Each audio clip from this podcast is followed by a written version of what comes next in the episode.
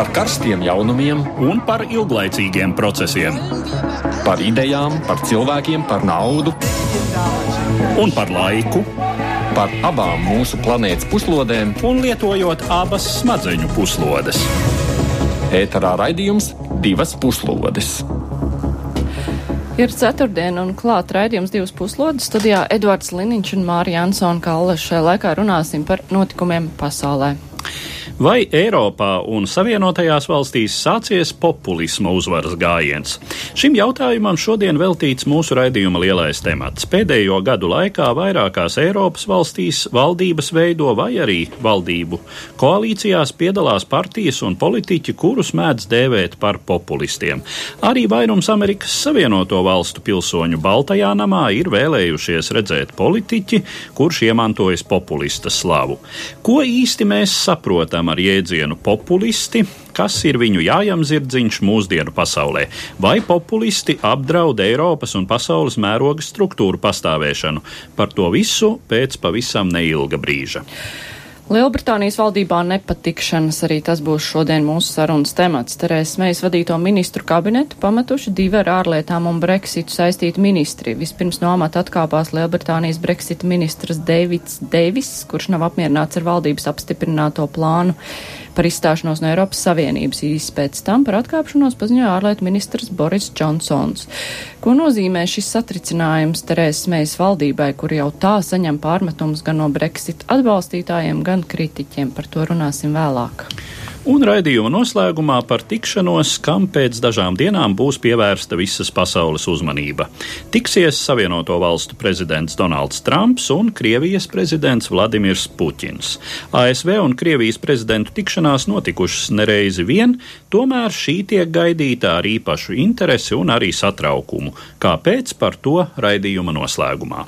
Mūsu jautājums Twitterī šodien ir, vai politiķiem ir jāsako tautas gribai? Atbilžu variantus, kā arī jautājumu varat atrast Latvijas radio viens kontā.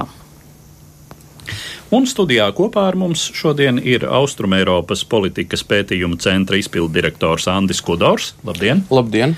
Un žurnāliste Anna Ūdre. Labdien! Labdien. Bet sākam mēs raidījumu ar dažām ziņām īsumā. Šajās dienās Briselē notiek NATO līderu tikšanās un Amerikas Savienoto Valstu prezidents Donalds Trumps kārtējo reizi aicināja dalību valstis palielināt savu pienesumu alianses budžetā, pat piedraudot ar ASV izstāšanos. Īpaši skarbi Trumps vērsās pret Vāciju, kritizējot tās atbalstu Nord Stream 2 projektam, kas nesīs naudu Krievijai. Vienlaikus Vācija nepilda saistības par 2% no iekšzemes koprodukta atvēlēšanu aizsardzības budžetam. Pēc Trumpa domām pienesums aizsardzībai pat būtu vēl jāpalielina līdz 4%, kāds ir Savienotajām valstīm. Sieviete, kur pagājušajā nedēļā saindējās ar Indi Novičoku, diemžēl nav izdzīvojusi. Viņa nomira pagājušajā svētdienā. Jau stāstījām, ka Lielbritānijā kāds pāris pagaidām nezināmā veidā saindējās ar tādu pašu Indi, kādu martā tika mēģin, ar kādu martā tika mēģināts nogalināt bijušo Krievijas dubultaģentu Sergeju Skripaļu un viņa meitu. Skripaļa palika dzīve, bet sievietē, kas nonāca saskarē ar šo nervus paralizējošo bīstamo vielu, tā izrādījās liktenīga šo lietu izmeklē. Laikraksta telegrāfs ziņoja, ka saistībā ar Skripaļa indēšanu Lielbritānijas varas iestādes identificējušas galvenos aizdomās turamos, tie atrodoties Krievijā un esot saistīti ar Kremli. Irāna, apējot ASV sankcijas, plāno skaidrā naudā pārvest Vācijas bankās glabātos līdzekļus. Saskaņā ar vācu laikraksta Dīcēt ziņoto, Irāna plāno skaidrā naudā izņemt 300 miljonus eiro no vācu bankām un ar lidmašīnu nogādāt naudu Irānā. Vācijas finanšu ministra pārstāvis pirmdien paziņoja, ka varas iestādes pārbauda Irānas pieprasījumu izņemt naudu. Vašingtona nesen izstājās no 15. gadā noslēgtās kodolvienošanās ar Teherānu, kas paredzēja daļēji valstī noteikto sankciju atcelšanu. ASV Irānai ievies jaunas finansiālās sankcijas, kas paredz līdz novembrim pārtraukt Irānas naftas iegādu un ārvalstu firmām pārtraukt darījumus šajā valstī vai arī nokļūt ASV melnajā sarakstā. Rumānijas prezidents Joh atcēls no amata pretkorupcijas prokurori Lauru Kodrucu Kevešī. Prokurors atbalstītāji uzskata, ka viņa kļuvusi par upuri Rumānijas politiskās elites korupcijas lietu izmeklēšanai. Keveši kā Nacionālās pretkorupcijas direkcijas galvenā prokurore pēdējos gados ir palīdzējusi saukt pie atbildības daudzus korumpētus ierēģņus, tādējādi iemantojot ietekmīgus ienaidniekus. Daudzi no notiesātiem ir valdošās sociāldemokrātiskās partijas biedri vai partijai tūstāvošas personas. Thank you. Spānijas augstākā tiesa apturējusi Katalonijas bijušā premjera Karlesa Puigdemona un vēl piecu katalāņu separātistu līderu deputātu pilnvars. Puigdemons šobrīd uzturs Vācijā, kur gaida spriedumu lietā par viņu iespējumu izdošanu Spānijai. Šobrīd vai nu apcietinājumā vai trimdā esošie separātistu līderi savus deputātu balsis ir deleģējuši attiecīgo frakciju kolēģiem. Līdz ar, to, līdz ar šo deputātu pilnvaru apturēšanu katalāņu separātistu partijām, lai tās varētu saglabāt savu vairākumu, Viņi būs jānomaina ar sarakstos esošajiem rezerves kandidātiem. Bet tagad pievēršamies raidījuma sākumā minētajiem tematiem. Tātad vispirms runa būs par populistiem. Divas puslodes!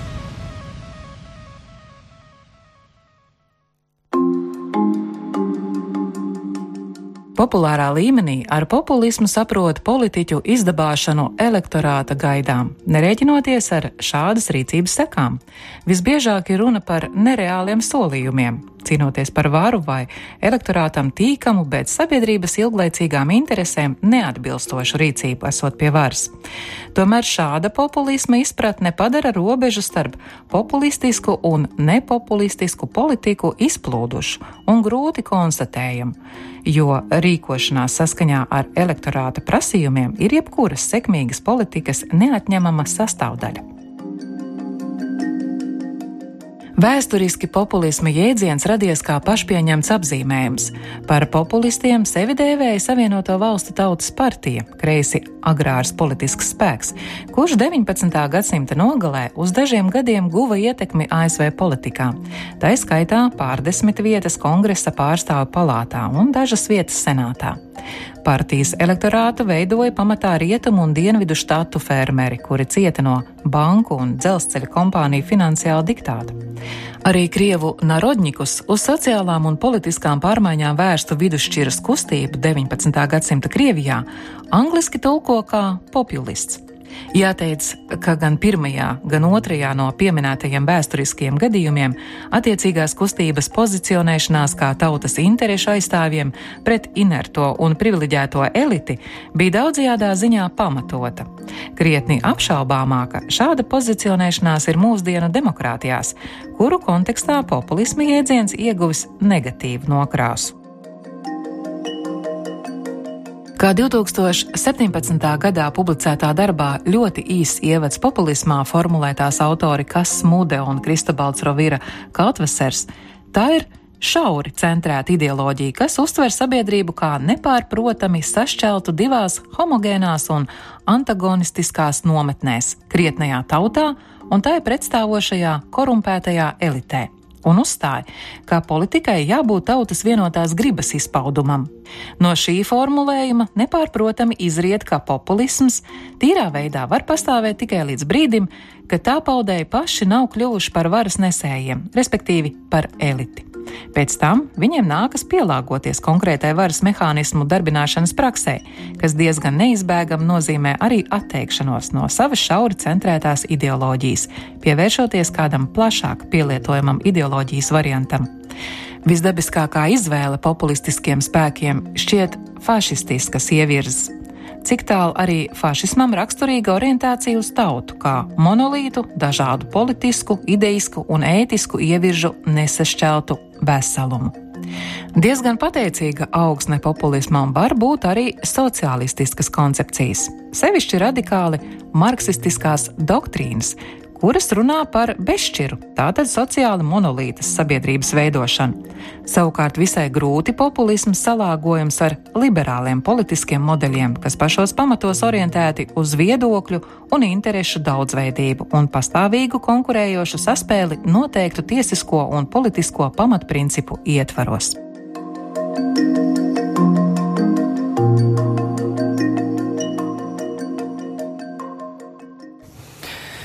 Jā, mēs noklausījāmies ierakstu, kur bija stāsts par to, ko teorētiski nozīmē populisti, bet eh, kad mēs vērtējam kādus notikumus, politiķus, vai mēs jēdzienu populisti nemētājam pārāk brīvi, respektīvi uz visiem, nu, kas sola kaut ko risināt, jā, par ko daudz cilvēku runā, kas ir varbūt ļoti sāpīgi jautājumi, kardināli risinām tajā pašā laikā, vai tas ir vai nav populisms?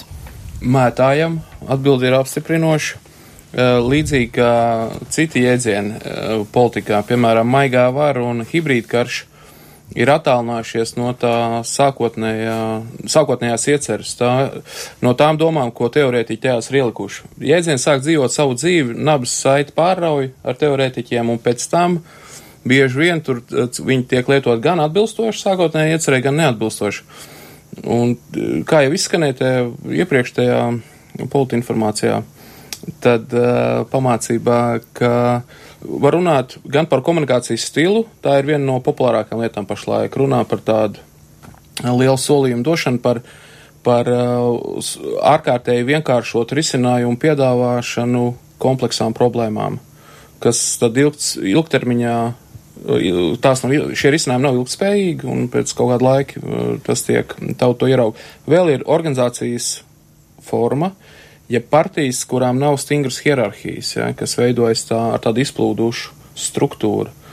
Un tad trešais būtu šī plānā ideoloģija, kas bieži vien pielīp klāt kaut kādām stingri jau no stabil, stabilām ideoloģijām.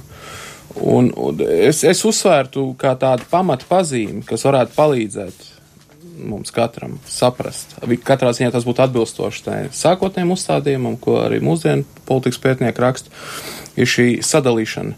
Vienmēr pareizā tauta un vienmēr sliktā korumpētā elite. Ja. Tur, kur partijas šo kultivē visvairāk, es domāju, tā būtu tā spilgtākā pazīme. Pārējās ir papildus pazīmes.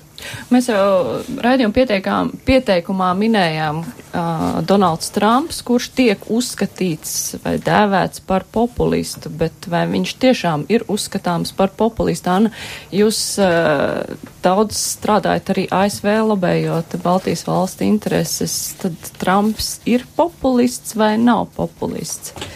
Jā, ar Trumpu tas ir diezgan interesanti tādēļ, ka principā varētu teikt, ka viņš pieder elitei, jo viņš ir uh, diezgan turīgs, viņš uh, ir uh, pirms tam arī ziedojis diezgan daudz dažādiem politiķiem, bet tajā brīdī, kad viņš runā ar tiem cilvēkiem, kas par viņu vēl, viņš saka, mēs esam tā īstā elite, es un cilvēki, kas ir parastie cilvēki, un mums jā, jākļūst augstākiem par to eliti, kur šobrīd ir korumpēta un kur nepārstāv to, to saucamo parasto cilvēku intereses.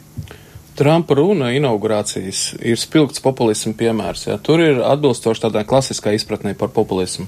Jo viņš saka, tagad nav tik svarīgi, kuras partija, kura partija, vai demokrāti vai republikāņi nāk pie varas caur viņu, bet svarīgi, ka viņš kā tautas varas nesējs izkonkurē Vašingtonu. Ja, viņš saka, Washington DC un galvenais tāpat tas saucamais establishment, jeb tāda institucionalizētā elita, kas turpat sēž apkārt viņam, un viņam ir, protams, liela drosme teikt, ka, lūk, šos visus mēs tagad esam pagrūduši nost, un svarīgākais, ka vara nonāk pie jums, the people, un tas we the people, tie tāds sakrāla vārdi Amerikā, kas reizē ir arī tāda ļoti demokrātiska ideja. Un populisms vispār jau tā viena no šķirtnēm, ko teorētiķi lauž šķēps, ir saka, tas ir prodemokrātiska ideja, populisms kopumā vai antidemokrātiska. Un tomēr lielākā daļa pētnieku raksta, tas nav pret demokrātiju. Populisms pēc pamatīdējā prasa vairāk demokrātijas. Jā. Viņš prasa nevis revolūciju īstenot, bet reformu. Bet Trumpa runa, manuprāt, ir tāds spilgts populisma, ar populisma klasiskām idejām piesātināta runa. Mēs varam noklausīties uh, Eduardu sarunu ar uh, vienu Trumpa vēlētāju, kurš uh, viņu sauc Pēters Jansons. Viņš ir Amerikas iedzīvotājs, pilsonis, uh, arī latvietis, un uh, viņš stāstīs, kā viņš uh, izdarīja izvēli vēlēšanās. Tas bija diezgan vienkāršs process. Es paskatījos, tur bija apmēram trīs kandidāti. Viens solīja visu pa brīvu, izklausās labi, ja? un tas nav reāli. Brīvs skolas, brīvs atbildības, viss kaut kas pa brīvu. Tā otrā partijā, nu tā bija pilnīgi, varēja redzēt, ka pacēlās visas tās lietas, ko viņi darīs, ja? Un arī, ka es redzēju, ka viņai nebija nekāda pieredze tajā lietā. Viņa bijusi ir, nu, ārlietu ministra. Un, ja tu apskaties tā kā, ko viņa darīs Bengāzi bija viņas pusē, vi, viss tas, nu, pirmkārt, man nepatīk, kā viņa vadīja visus tos karus. Mēs bijām Afganistānā, mēs bijām tur, un tas jau sākās ar Bušu, kas arī bija republikāns. Mums nekas nevajadzēja tur iet iekšā. Viņi stāstīja, ģenerāli, dar to, dar to, dar to. Ja tev ir darbs, ko darīt ģenerālim, ierojam to darbu, lai viņš to darbu dara. Viņi maisījās pa vidu, jo viņi gribēja tā, ka, ja ģenerālis kaut ko darītu un būtu viens politisks negatīvums, tad viņi negribēja to. Un tā atnāca viens cilvēks, kas nav politiķis, un teica, es darīšu A, B, C un D. Ok, tu apskaties, ko viņš dara. Oh, es darīšu kaut ko nodokļiem. Tas ir labi, mums vajag mazāks nodoklis. Es darīšu kaut ko robežu, tas ir. Es darīšu kaut ko aizsardzību. Es darīšu kaut ko ar, kas tur ir politikas, viss tas pūlis, kas ir Vašingtonā. O, izklausās labi. Un interesanti bija, ka redzēja, ka viņš ignorēja Ņujorkas krastu un Kalifornijas krastu. Un viņš koncentrējās visā pārējā Amerikā. Tas ir, kur Amerika dzīvo. Tā ir Amerika. Tā kā Latvijā, es nezinu, cik tā apgabala ir.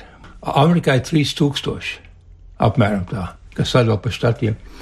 No tiem es nemēru precīzi, bet ap no tiem 3000, 2800 balsoja par Trumpu. Tas ir viss amerikānijas. Un tie slāņi arī, kas pierādīja, demokrāti vispār neved savu kampānu Amerikas vidē. Viņi neaizgāja uz Vinskosiem, viņi neaizgāja uz Mičigām, viņi neaizgāja uz Ohio. Tur. Tie nav svarīgi. Mums tik vajag New York un to. Un kas beigās viņu pārlika pār par to skaitu, lai būtu prezidents, ir Mičigāna, Wisconsin, un tās, un tie arī strādnieki ir. Bija pilnīgi, kā jūs sakat, jauns virziens, jauna, jauni vārdi, un paprovēsim, tie veci nav strādājuši.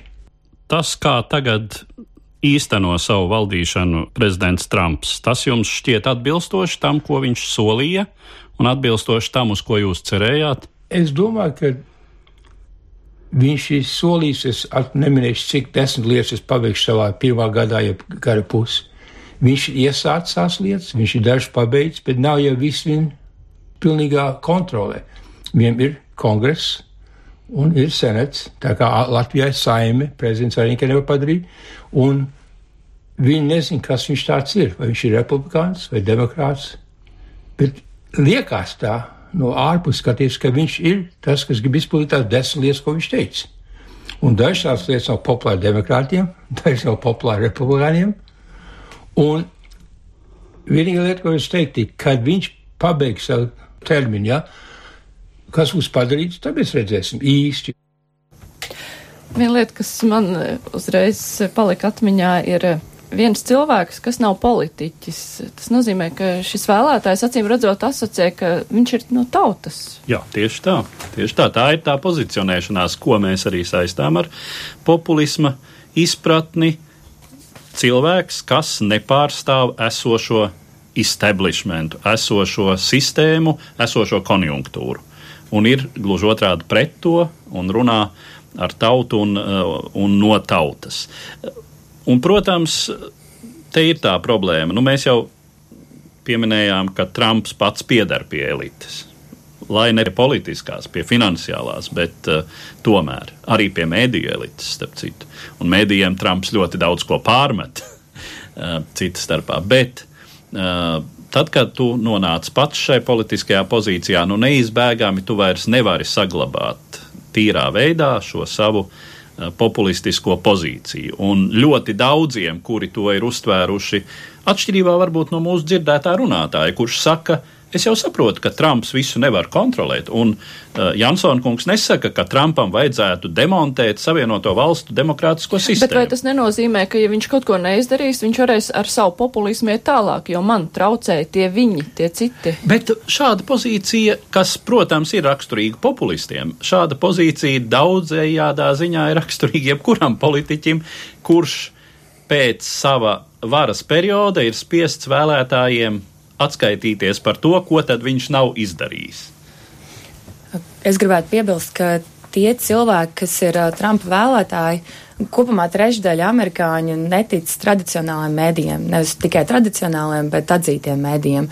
Un sevišķi tie, kas ir Trumpa vēlētāji, kā arī jūs minējāt, ka viņi ticēs visam, ko viņš teiks. Uh, un, uh, ja kaut kas nebūs izdevies, tad tas visticamāk būs tādēļ, ka viņam neļāva tas establishments, kā jūs minējāt. Es arī domāju, svarīgi nodalīt, kas ir arī, kas bija sarunas sākumā, ja, ka tā doma par to, ka populismu jēdzienu izmanto arī uz lietām, kas nav saistīts ar populismu.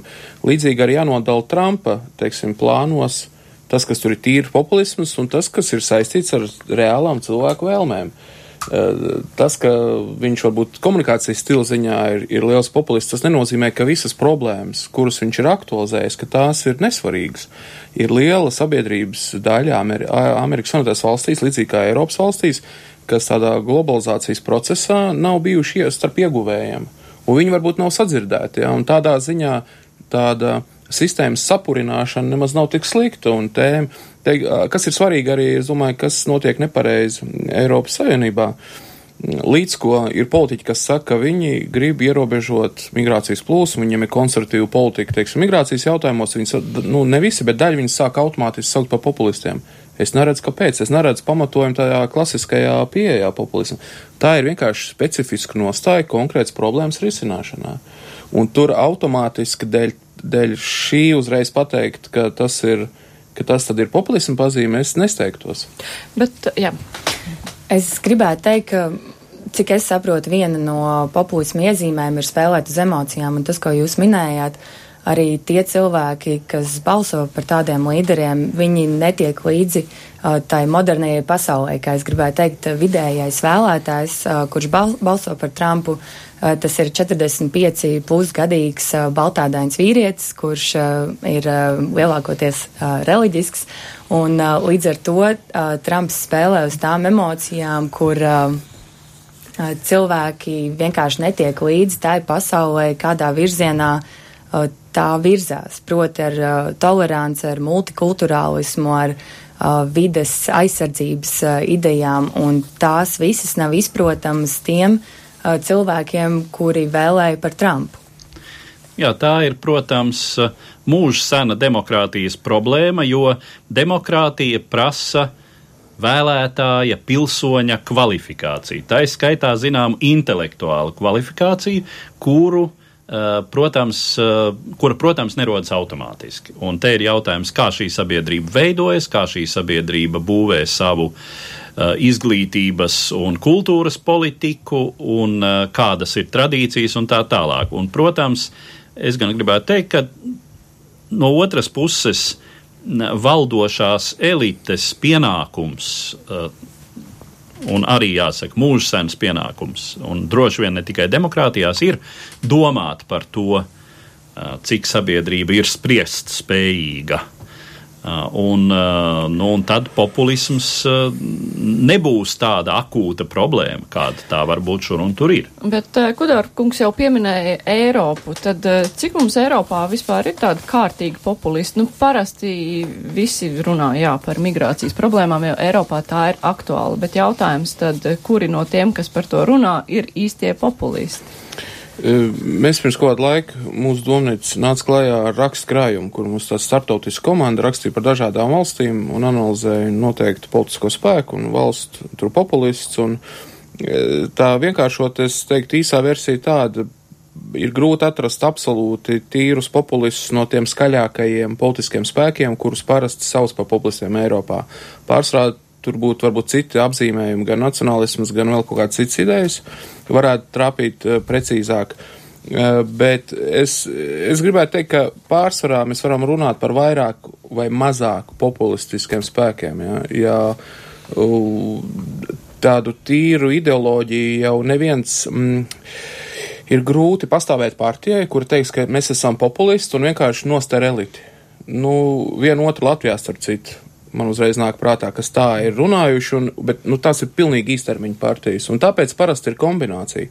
Ir populistiska komunikācija ar kaut kādu citu stingrāku ideoloģijas nostāju, piemēram, nacionālismu. Un tāpēc kopumā es teiktu, ir vairāk vai mazāk, es tāds spilgts īstus starp tiem lielajiem skaļajiem Francijā vai Nīderlandē vēl kaut kur. Es pat neteiktu, ka viņi ir absolūti populisti. Un kā raksturot Itālijas valdību? Nu, Bet tur arī ir bez tīri populistiskās, nu, mēs teiksim, tā piedzvaigžņu kustībā varam redzēt, ka tā ir tāda diezgan izteikti, jo tā ir, tās galvenā platforma ir anti establishment, antisistēmiska.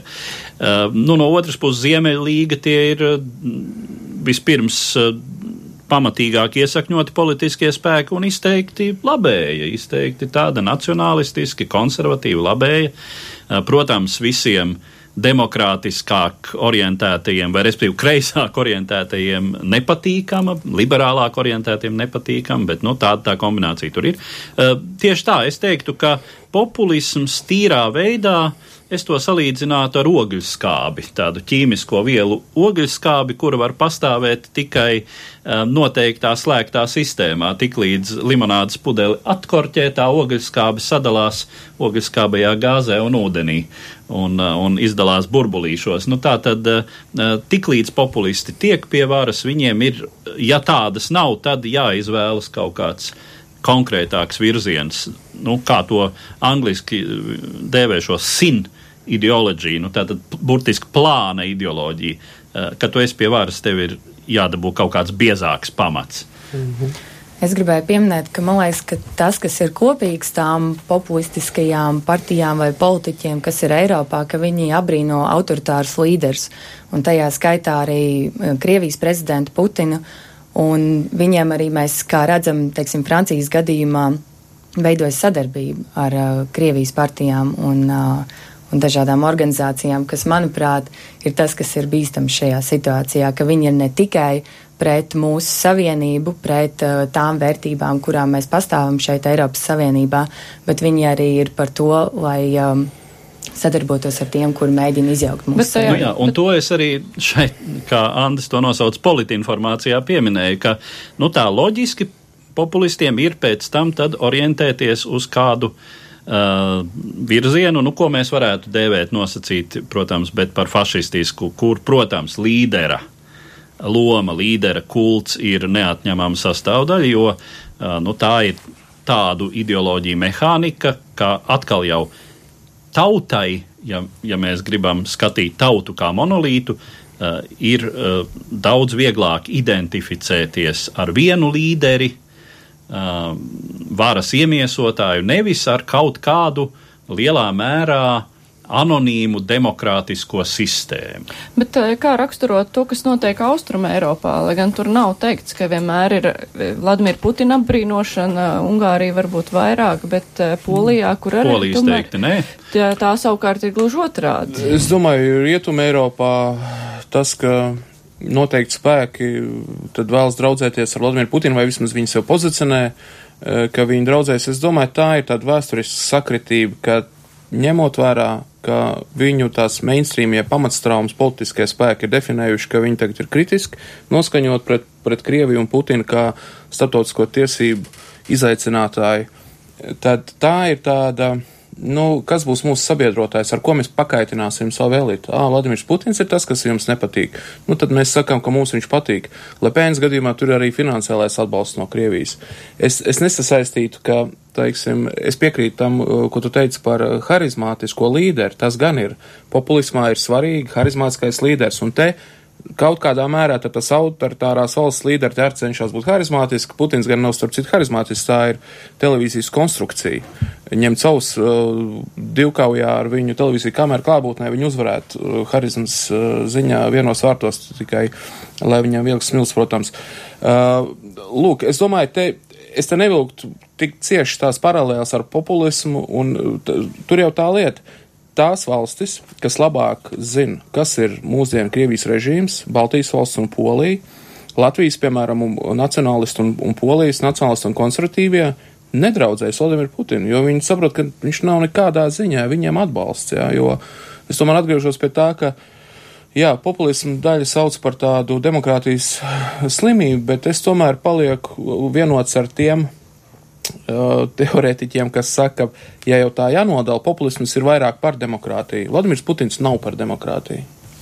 Jā, nu, ja jau mēs lietojam tādas medicīniskas metafāras, varbūt populisms drīzāk ir nevis uh, diagnoze, bet simptoms tā augstā temperatūra, kura sabiedrībai paceļas tad, kad kaut kas nav kārtībā. Bet tādi konservatīvāki politiķi, viņi ir izteikušies, eh, ka Eiropā populisms jau ir eh, drīz pārsniegs kritisko robežu. Ir pamats eh, tā bažīties, vai tomēr ne, vai tas ir politiķu domāju, viedoklis, lai pievērstu populisms, sev? Populisms kā tāds, klasiskā izpratnē, drīzāk ies mazumā. Viņš nav ļoti ilgspējīgs.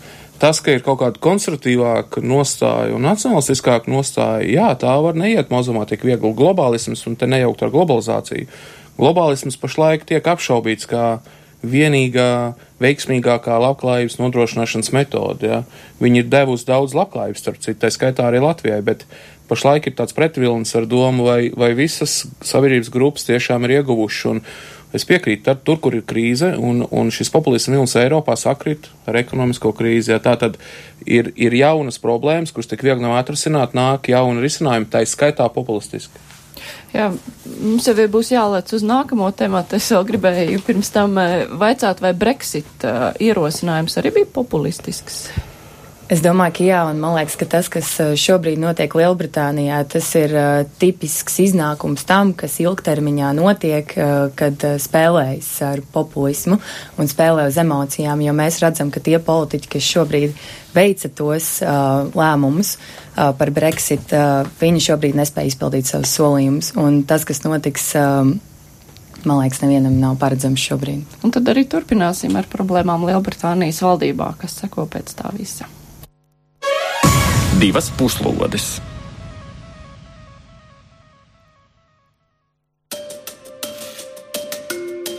Pagājušā nedēļā tika publiskota Lielbritānijas ministru kabineta īsā versija par apvienotās karalistes izstāšanos nosacījumiem no Eiropas Savienības panākta spraigās sarunās. Tā apliecināja Terēzes Mejas valdības orientēšanos uz tā dēvēto maigo Brexitu, brīvās tirzniecības līgumu starp Karalistu un Eiropas Savienību, attiecīga ražojumu standārtu saskaņošana, muitas unija, joprojām salīdzinoši brīvi šķērsojama robeža starp īrijas republiku un Ziemeļīriju.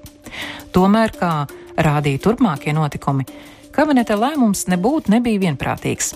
Pēc plāna publiskošanas savus posteņus mēs valdībā pameta par izstāšanos procesa atbildīgais kabineta loceklis Deivids Deivis un arī ārlietu resora vadītājs Boris Džonsons.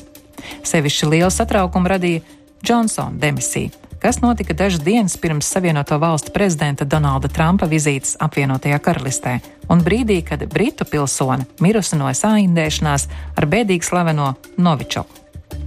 Britu salās jau atkal runā par kabineta krīzi un iespējamu valdības maiņu, kamēr premjerministre pauž apņēmību turpināt. Kā raksta franču kreisi centriskā izdevuma Le Monde apskatnieks Filips Bernārs, tas varētu būt beigu sākums vai nu premjerministrei Terēzai Mejai, vai arī viņas rūpestiem.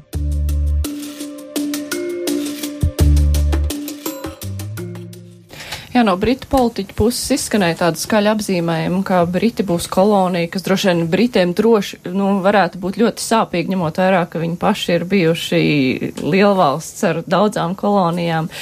Par to, ka e, Briti tā būs pārāk atkarīgi no Eiropas Savienības, bet vai savā ziņā, nu, tā nav taisnība, tā nav patiesība, jo tad, kad ierosināja Brexitu, tika solīta bez mazai, ka Briti tagad peldēs lepni līdzās Eiropas Savienībai, nebūs nekādu saistību vairs. Un tagad izrādās, ka saiknes būs pārāk lielas, ka tāpat būs bez mazai tāpat kā Eiropas Savienībā. Tad šiem politiķiem, kuri aiziet, ir taisnība vai nav taisnība par to, kas notiek Brexit iznākumā? Nu, Britu salas nevar aizpeldēt drusku tālāk Atlantijas okeānā, lai nebūtu par, par tuvu Eiropai. Uh, un uh, es domāju, mēs redzam tikai to, cik šis process ir sarežģīts. Jo es domāju, ka uh, nu, Lielbritānijas atrašanās Eiropas Savienībā tomēr bija loģiskāka nekā atrašanās ārpus. Bet, nu, ir tā kā ir Lielbritānijas elektorāta lēmums ir tāds, kāds tas ir. Politiķiem tas ir jāpilda. Uh, nu, tagad uh, notiek, manuprāt, ļoti loģisks process. Tātad mēģināt pēc iespējas šo saikņu saraušanas efektu mīkstināt. Jo nu, kaut vai tā pati uh, Ziemeļīrijas un Īrijas republikas robeža. Tā jau nav tikai ekonomiska vai kaut kāda ērtību problēma. Mēs atceramies, ka tur bija reāla uh, var teikt, kara darbība samērā nesen, terorisms, kas ir pieklusis lielā mērā tāpēc, ka nu, šī robeža ir beigusi pastāvēt, ka abas valstis ir Eiropas Savienībā, ka ka nav vairs šīs, eh, šīs nošķirtības. Bet britu iedzīvotāji droši vien, ka balsojot Brexitā, balsoja par to, ka dzīve būs tāda kā pirms Eiropas Savienības. Nu, ja tā... Jautājums, cik daudz no viņiem to atceras tā? 70. gadu sākums, jā, jautājums. E, man tīri, man cilvēcīgi ir nedaudz skumji par, par to, ka Brexits notiek jo Lielbritānija daudzos kaut kādu vērtību uzstādījumos un ārpolitikas prioritātēs bija diezgan labs sabiedrotais Baltijas valstīm, mūsu reģionam. Tas bija diezgan organiski, un, um, man, man, un tagad viņi šo iespēju, mēs zaudējam iespēju saņem, būt ar viņiem kā tādiem sadarbības partneriem Eiropas Savienībā, kur tad iestāties pa līdzīgām lietām, viņi zaudēja iespēju vai pareizāk nezaudē pilnībā, bet viņa iespēja ietekmēt procesus kontinentā samazinās. Man nāca prātā tā varbūt puspa jokam, bet um, ģeopolitikas uh, klasisko teorētiķu darbu, kur viena no idejām bija, ka šīs salas spēja, ietekmīgās salas spēja ietekmēt kontinentu, tās, kas atrodas tūmā Āzijā, tā būtu Japāna, kas līdzsvaro centrālo spēlētāju Ķīnā Āzijā. Un tad uh, Eiropā Lielbritānija arī kā tāds līdzsvarotājs, kas varbūt samazina kaut kādas manevrus un uz radikālismu pusēm, kas kopumā ietekmē veselīgi ja, šo to lielo spēlētāju. Un Lielbritānijai tas samazinās. Varbūt kas būs iegūms Latvijai? Nu, divpusēji, es domāju, jau ir redzams. Briti ir diezgan labi aktīvi šajā reģionā. Mums drīzāk attiecības pat vēl būs intensīvākas un uzlabosies. Bet tomēr tas būs kaut kas ārpus Eiropas Savienības. Jā, mēs esam. Mhm. Te veidojas arī tāda, tādas interesantas jaunas kombinācijas un konstelācijas gan Savienības ietvaros, bet, nu, mēs paskatāmies uz Ziemeļa Eiropu, tad tur Lielbritānijas jaunā pozīcija tā varbūt pat diezgan labi iekļaujas vispārējā ainā ar Norvēģiju, kura arī nav Eiropas Savienībā, ar Īslandi, kura joprojām nav Eiropas Savienībā, bet tās abas ir Ziemeļvalstis un ļoti cieši sadarbojas savukārt ar tām Ziemeļvalstīm valstīm, kuras ir savienībā, nu un Baltija ir turpat līdzās. Jā, bet runājot par Lielbritānijas valdību, mēs esam sazvanījuši Vidzemes augstskolas lektoru Jānu Kapustānu. Halo, jūs mums vēl klausāties? Jā, sveicināti.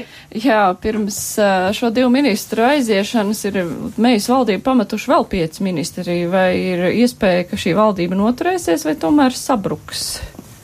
Jā, to šodien, protams, neviens precīzi nepateiks. Es teiktu tā, ka izredzes ir 50 uz 50. Un tā, tā, tā, tas, kāda pašlaik ir tā situācija, būtībā mēs valdībai ir šī reāla politikas pieeja. Ja? Un īstenībā jau viņi daudz, teiksim, spēcīgāks noteikums par labu Lielbritānijai, par sliktu Eiropas Savienībai, nu viņi īstenībā nespēja to izpildīt. Uh, lai īstenot tā saucamo smago atdalīšanos no Eiropas Savienības, nu tad jau būtu gandrīz vai, dzeloņa stiepus robežās eh, jā, jāinstalē un tam līdzīgi. Nu, protams, ka tas absolūti nav iespējams.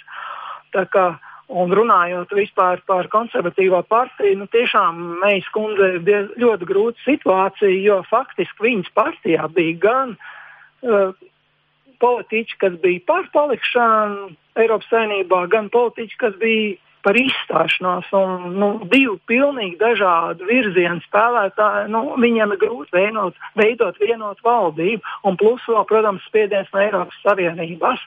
Nu, faktiski Meijas kundzei nu, teiksim, būs diezgan grūti grūts šis turpinājums. Labā ziņa ir, ka vismaz pēdējo 24 stundu laikā neviens jauns ministrs nav aizgājis. Nu, tas vismaz brīdis presē ir uzrakstīts. Jā, bet uh, kas notiks ar vienošanos par Brexit, uh, jo vai tur kaut kas var būtiski mainīties, jo gal galā, nu, ir termiņš noteikts, kurā brīdī Lielbritānija izstājas, karalieni to ir izsludinājuši šo likumu, un tagad ir zināms, vai var gadīties tā, ka kaut kādas vienošanās nav līdz galam nokārtotas un pienāk šī ta x stunda un izrādās, ka kaut kas nav sarunāts ar Eiropas Savienību.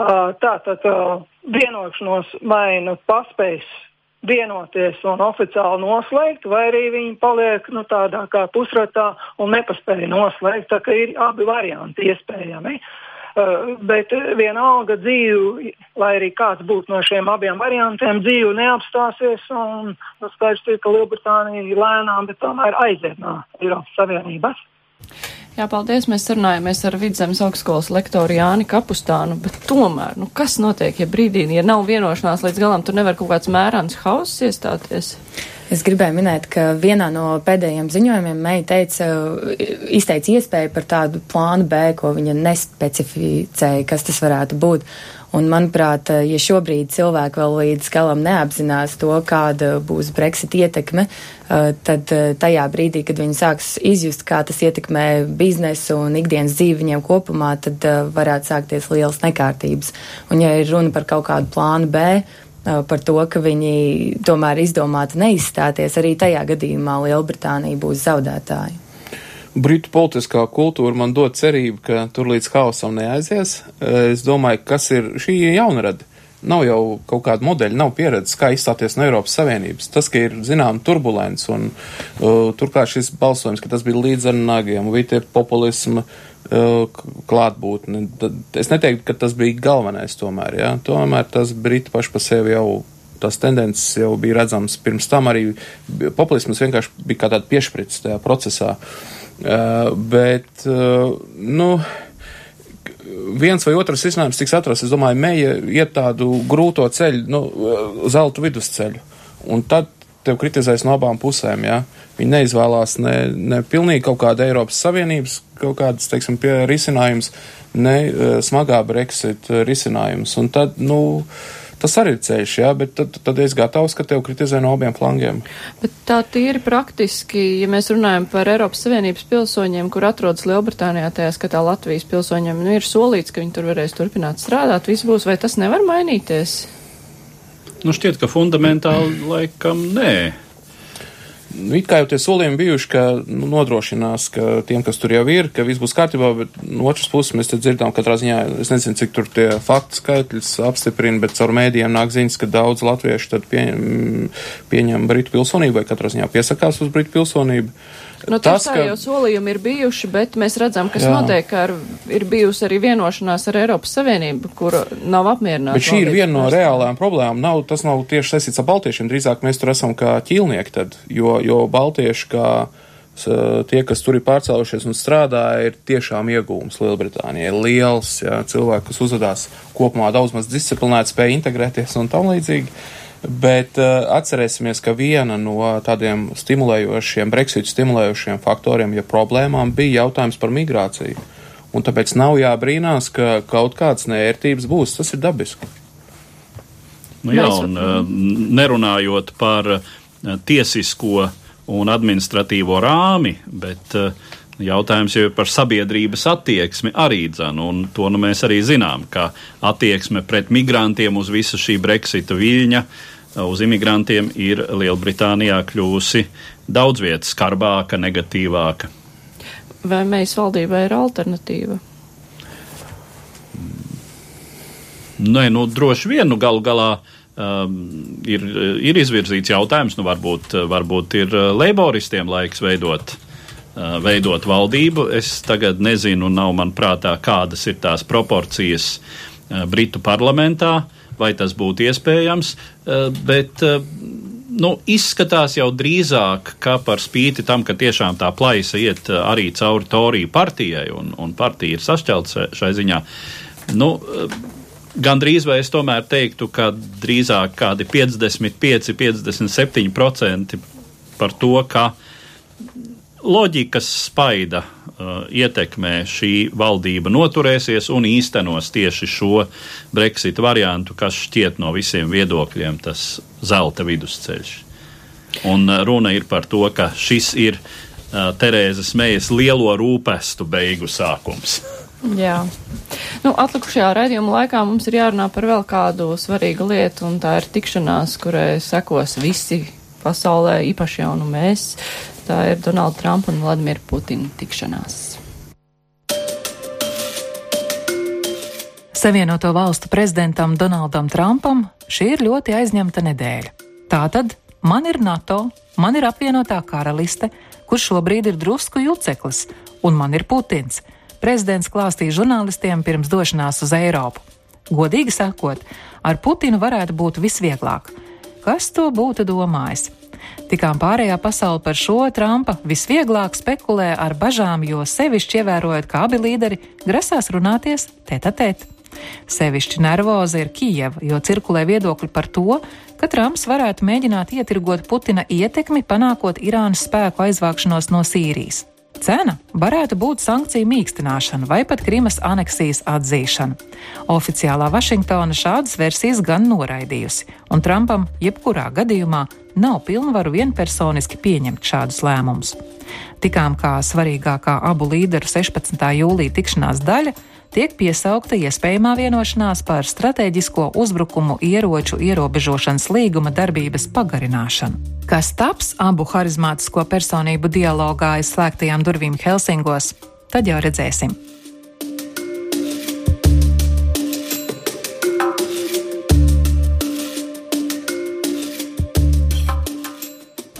Nu jā, tad, ko mēs visvairāk gaidām, par ko mēs bažījāmies pēc šīs sarunas? Es gribēju uzreiz minēt, ka es piekrītu tam, kas tika tikko teikts, ka Trumps nav viens, un tas ir vairāk kārt apstiprinājies, ka kongresam ir milzīga nozīme. Tā, tā kā mēs redzējām, ka uh, kongress uh, atbalstīja sankcijas pret Krieviju pagājušajā vasarā, tāpat kā mēs redzējām, ka Baltijā namā Uh, izrādīja atbalstu NATO un Ukrainai, tāpat kā mēs redzam, ka Senāts un pārstāvi nams ir vairāk kārt nosaudījuši Nord Stream 2, ko arī prezidents Trumps šobrīd uh, pasaka. Es gribētu teikt, ka nav varbūt tik ļoti pamatots bažas par to, ka Trumps varētu pēkšņi noiet no šī narratīva un sākt kaut ko pilnīgi citu runāt, kur mēs redzam, ka aiz viņa stāv kongress un baltais nams. Bet ko viņi var sarunāt aci pret aci? Ja es piekrītu iepriekš minētajam, uzsverot to, ka Krimas aneksijas atzīšana, kā likumīga akta atzīšana no ASV puses ir pilnīgi neiespējama. Eh, kas ir iespējams, par ko varētu būt bažas, ir acu pievēršana uz Kremļa ambīcijām Ukrainā un vispār Krievijas kaimiņu valstīs, jo tas ir, kas ir Putina galvenais mērķis vispār kaimiņu valstīs. Kaimiņu valsts esam arī mēs. Arī mēs, bet tomēr uh, starp mums un Krieviju ir novilkta treknāka līnija, kas ir NATO robeža, nekā starp Ukrainu un Krieviju, kur vienā posmā vispār līnija vairs nav novilkta, ja, kur droši turp šurp Krievijas karavīri apmaldās vai ierodas atvaļinājumos. Ja. To es saku, protams, ironi, ironiski. Uh, bažas ir par, jā, Putinam nākas izmantot valsts finansējumu, lai kompensētu viņa draugiem, oligarhiem, uh, zaudējums, ko, ko, kurus tiem ir sagādājušas sankcijas. Šī apgrūtinātā pieeja rietumu finanšu tirgiem, Krievijas uzņēmējiem, kur ir tajā Putina uzticamības lokā iekšā, piemēram, tas pats Darīpaska un vēl citi. Uh, un tas nevar turpināties bezgalīgi, un lai kā arī viņi teikt, ka sankcijas nekož, un tas ir nekas, un redzēt, kā ir tur importa aizvietošana un tā tālāk, es teiktu, blā, blā, blā. Uh, tas es redzu, ka viņi viens pie otra ierodās mm, pie Putina un, un lūdz palīdzību. Putins palīdzību sniedz, bet tā nevar uz laiku turpināties. Tā, tā tad varētu būt gan par Sīriju runa, gan par Ukrainu, gan par sankcijām, uh, bet ne kas nerezultēsies kaut kādos klajos paziņojumos, kas būs pretrunā ar starptautiskām tiesībām, piemēram, pa Krimu. Bet tā, tā tie paziņojumi, ko Trumps tagad izsaka saistībā ar NATO budžetu, vai tas tomēr neliecina, ka šī treknā svītra, kas ir starp mums un Krieviju, ka viņš iezīmē pirms tam, ka tā strīpa ir strekna, es rūpējos par NATO budžetu? Ne, nu, protams, un te mēs redzam prezidenta Trumpa specifisko stilu. Uh, par ko mēs pirms ētera mazliet runājām, ka tas ir tāds biznesmeņa stils. Un tad, kad ir runa par naudu, tad Trumps runā ļoti konkrēti. Un tā kā viņš runā ar Vāciju, mīļie draugi, jūsu aizsardzības budžets ir krietni nepietiekams jūsu ekonomikas kapacitātei. Mēs, var teikt, maksājam jūsu vietā, tajā pašā laikā jūs pa lēto pērkat Krievu gāzi.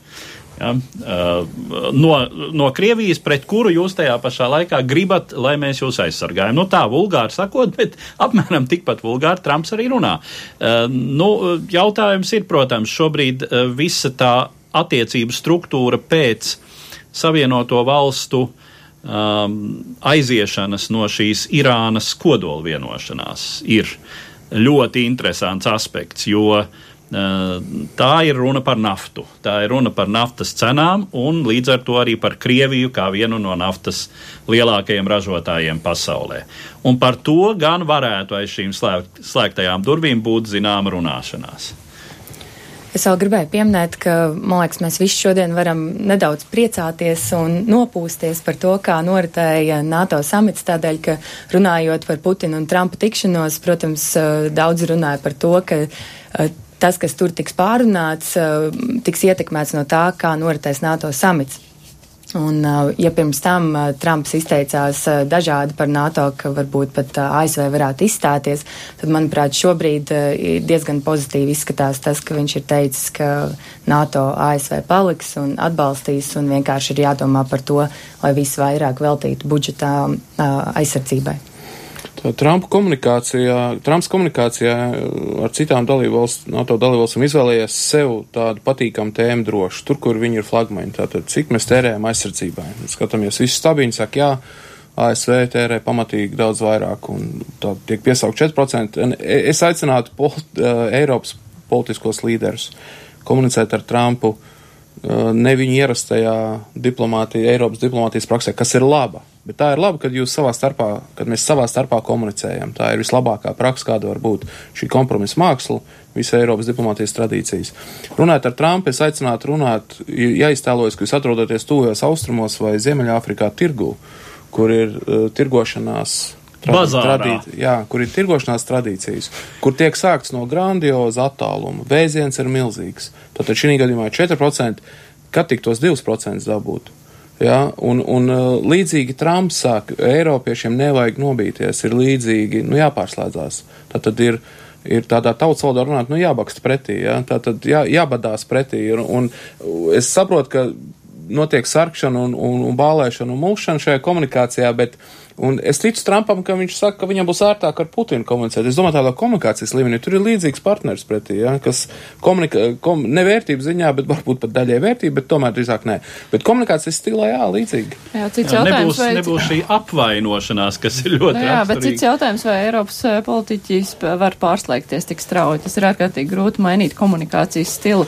Bet uh, iespējams par eh, šīs tikšanās rezultātiem mēs runāsim pēc nedēļas divās puslaudēs. Mūsu raidījuma laiks beidzās. Īsi par Twitter balsojumu. 41% uzskata, ka tas ir politiķu uzdevums sekot tautas gribai, bet 37% vispār grib saprast, kas ir tautas griba. Pārējiem 22 šķiet, ka tautas griba jāpauž referendumā. Raidījumā šodien piedalījās Andris Kudors, Austrum Eiropas politikas pētījuma centra pārstāvu žurnāliste Anna Udre, arī Edvards Liniņš un es Mārija Ansona Vislabu.